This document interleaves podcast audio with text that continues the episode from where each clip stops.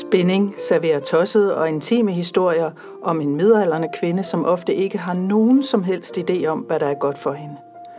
En af hendes passioner er at søge kærligheden, men da hun sjældent er særlig succesfuld inden for dette område, så undersøger hun også andre måder, hvorpå hun kan være intim med mennesker, uden at kærligheden nødvendigvis er involveret.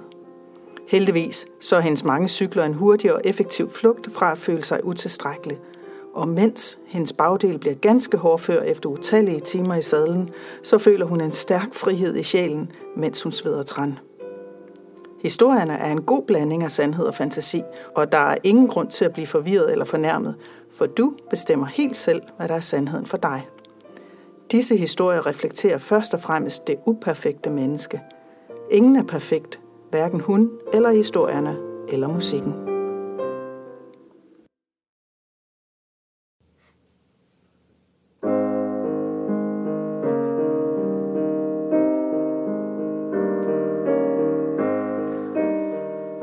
Endnu en gang kaster hun snøren ud og haler ind. Kaffedate. I morgen? Tindermanden dukker op i endnu et tilfældigt swipe til højre. Hej, Sale. Hvor er du? spørger han og fortsætter uden at vente på svar. Jeg er på Langkawi i min jordomsejler. Hendes hjerne lyser op i regnbuefarver. Det må være skæbnen. Her er hun jo på vej på sin specialized racercykel til Langkawi. Hun ankommer næste dag, og så er han lige der, manden med båden. Jeg kommer til Langkawi i morgen, svarer hun. Har du lyst til en kaffe eller et glas vin? For hver tråd bliver drømmen dybere, tanken om en skæbne så vild og ufattelig, og varmen får hjernen til at koge endnu mere. Den lange, stegende, hede cykeltur, ud og tisse i busken, mens hun flasher sin hvide popo, og med den obligatoriske punktering og storgrinende malajmænd som tilskuere. Det er fart og fatamorgana på ophedet asfalt. Jeg er der i morgen, siger hun, da hun efter 120 km endelig kan parkere sin cykel og sin krop i en lille sød Airbnb. Ja, uden direkte at svare på invitationen. Lidt forsigtig, lidt stolt. Og samtalen bliver pludselig meget spændende, nærgående og indgående. Meget bliver vendt og drejet på skærmen, fra de praktiske til de personlige og pinligt ærlige emner. Tæt på noget sensuelt og intimt, men aldrig over grænsen. Han virker som en gentleman midt i al lækkerheden. Fotos sendes ud i cyberspace og ind i deres øjne. Krop, ansigt, smil, øjne, fedtprocent. Alt i alt en lækker buffet. Hun falder i søvn med opadvendte mundvige og champagne i hjertet. Kilometer efter kilometer forsvinder bag hende næste dag. Ja, i dag vil han stå foran hende lige om lidt – efter en times færgeoverfart. Hun har sat så mange watt på en meget tidlig overfart, og skuffelsen er stor, da billetdamen fortæller, at den første færge er to timer senere, og at den derefter vil tage tre timer. En rusten bilfærge oven i købet. Men det kan jo ikke passe. Ja, hun har undersøgt alle afgangene. Nej, der er ingen andre muligheder, siger tørklædet nøgternt inde bag den smalle sprække skuffelse og helt slap muskulatur. Nu var det lige så perfekt, og hun, der altid har styr på det. Hun betaler og kører slatten ombord, og må indse, at malaysisk offentlig transport bare er lige så utilregnelig, som de siger.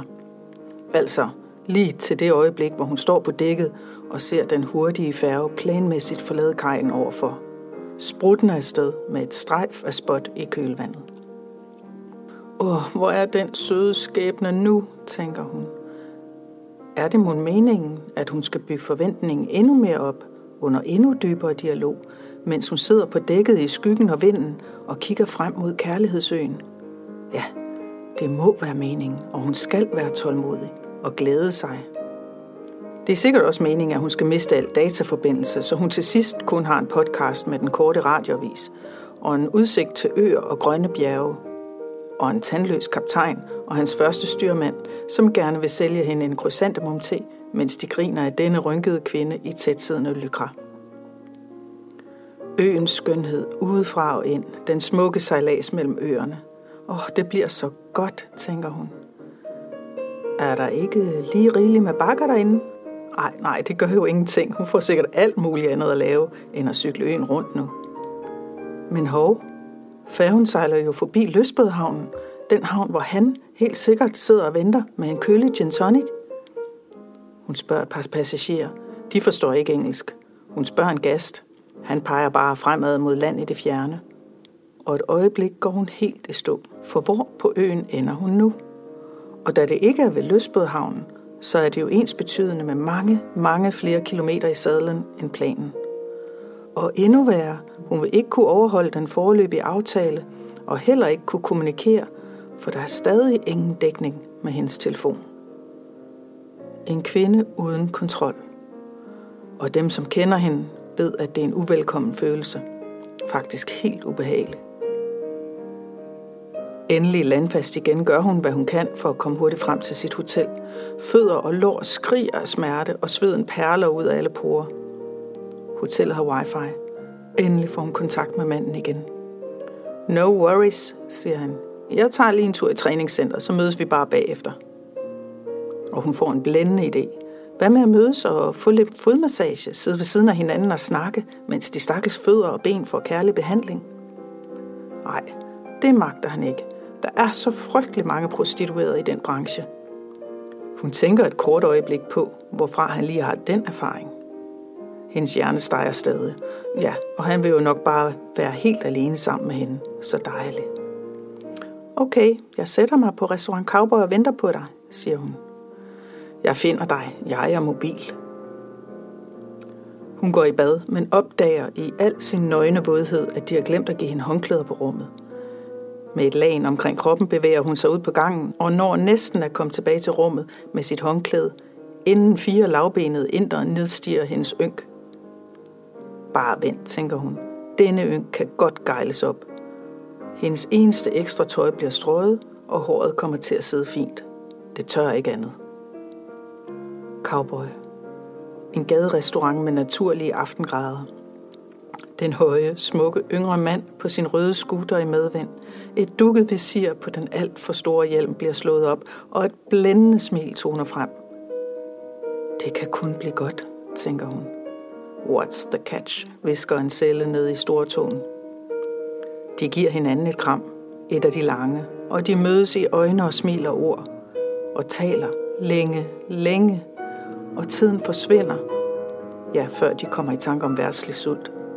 Hvem er du? Hvad laver du? Hvor bor du? Hvor har du rejst? Hvilken båd har du? Hvor er du vokset op? Hvor meget træner du? Hvad elsker du at lave? Ja, han er jo rimelig beset ret perfekt, selvom han ikke er vegetar. Og hans store sejlbåd nede i havnen, hun har tjekket noget på nettet. Så øh, du sover i agterkahytten? Ja, jeg har en dag aircon, smiler han, forsigtigt og frægt. De kommer tæt på lyster og lidenskaber og finder hinanden uden fordomme. Ja, bevares, hun er ældre end ham, men det er tilsyneladende heller ikke et problem for ham. Det viser han med krop, øjne og berøringer. De bestiller mad og en øl. Alkohol er gift, you know, siger han, og peger på sit vaskebræt. Hvordan tror du, jeg holder min bodyfat på 10%? Jeg drikker højst 1-2 øl om ugen. Dejligt, tænker hun, og aflyser i sit hoved med det samme bestilling af flere øl. Stemningen og smil og glæde bliver slugt i en lindstrøm sammen med Cowboys lækre tegretter. Til ingen penge. Han bliver mere og mere nærgående, flytter stolen tættere på, og hun kan lide det, og viser det. Der er grønt lys. Men hvorfor er en lækker mand som dig single? Det er jeg ikke. Jeg har gift. Den stigte hjerne stanser al aktivitet. Kæden falder faktisk af. Ingen power output der i et par sekunder eller ti. Øh, hvad, hvad laver du så her med mig? fremstammer hun. Et standardspørgsmål, hun har indlært til øjeblik som dette. Og mens han sløvt og tungt og uinspireret liger et lige så standard svar af, indøvede meninger omkring savn og lidenskabsløshed, og hun, altså konen, ville ikke sejle, og han kunne ikke forlade, og de var bundet sammen i en dyr lejlighed i verdens dyreste by og en kedelig hund, og han flygtede fra Singapore for at bo på båden og trække vejret, og hun havde alle sine veninder, men hun syntes ikke om hans krop. Magien har hurtigt fundet et nyt kontinent at hygge sig på. Hun ønsker et øjeblik, at hun kunne skylle hans ord ned med endnu en øl, men hun magter ikke at bestille den. Måske vil han tolke det som et ønske om at fortsætte, og det signal vil hun ikke sende. Åh, jeg tror, jeg er lidt træt, siger hun. Jeg må jo få hvilet mig. Jeg skal jo tidligt op, og... Ej, tænk, klokken er mange. Øh, halv ni. Nå, jamen, jeg har jo været oppe siden halv seks, så mine ben er lidt trætte, og... Øh, har du lyst til selskab? spørger han. Et godt forsøg, men håbet i hans øjne er ikke overbevisende. Øh, nej tak, det har hun ikke. I don't do married men, not anymore. Men, men jeg er virkelig tiltrukket af dig, siger han. Tak, been there, done that, og det gør altid ondt på nogen på et eller andet tidspunkt. Hun går i gang med sin lange forklaring, men han stopper hende med det samme. Jeg har ikke brug for den information, siger han. Hans blik finder alle mulige andre steder at være, og han kalder på tjeneren. Two bills, please. Og tjeneren kommer med to øl. Hun begynder at le hysterisk indeni. Det er jo vildt sjovt pludselig. Tjeneren havde hørt two beers, og det er jo det sidste, han vil have. Mere alkohol, der kunne true hans fedtprocent og hans flugtvej. Den stakkels tjener bliver sendt ud igen og kommer tilbage med en regning. Manden studerer febrilsk svedende den fælles regning. 42 ringgit i alt, cirka 75 kroner. Han lægger 18, for hun har trods alt bestilt en lille ekstra ret og en flaske vand. Et øjeblik tænker hun, at hun gerne havde betalt det hele, og derved frarøvede ham de sidste gram værdighed. Hun lader det blive ved tanken. Han går, uden at sige pænt farvel eller tak for snak. Hen til den røde mobilitet og det dukkede visir. Bilerne har i mellemtiden spærret ham inde, så han ikke kan komme hurtigt væk. Han ligner en desperat kakalak på flugt fanget blandt folk og biler og skuffelser. Hun kigger på ham længe, mens han spejler, venter på en mulighed for at vinke farvel. En sidste menneskelig gestus, men den kommer aldrig. Hun siger pyt pyt igen og igen hele vejen tilbage til hotellet. I mørket stryger hun sin standhaftighed over kinden og slipper håret fri fra dets forpligtelser. Det havde været så nemt. En varmblodig mand og en hed nat med hud mod hud. Hun er glad for sine grænser og skuffet over sin naivitet, og forundret over alt det spændende, som livet byder hende. Og et lille smil finder vej der midt i mørket og duftende af bilos, indisk mad og affald. Hun tager et valg. Fiskesnør og garn bliver hævet i land. Fiskestænger pakkes sammen og bliver gemt væk. Hun smutter fra denne fiskeplads, tænker hun, og klukler ved tanken om sin egen latterlighed, og laver en note i sin virtuelle dagbog. Kære mand, hvis du er derude, så find mig. Jeg orker ikke lede mere.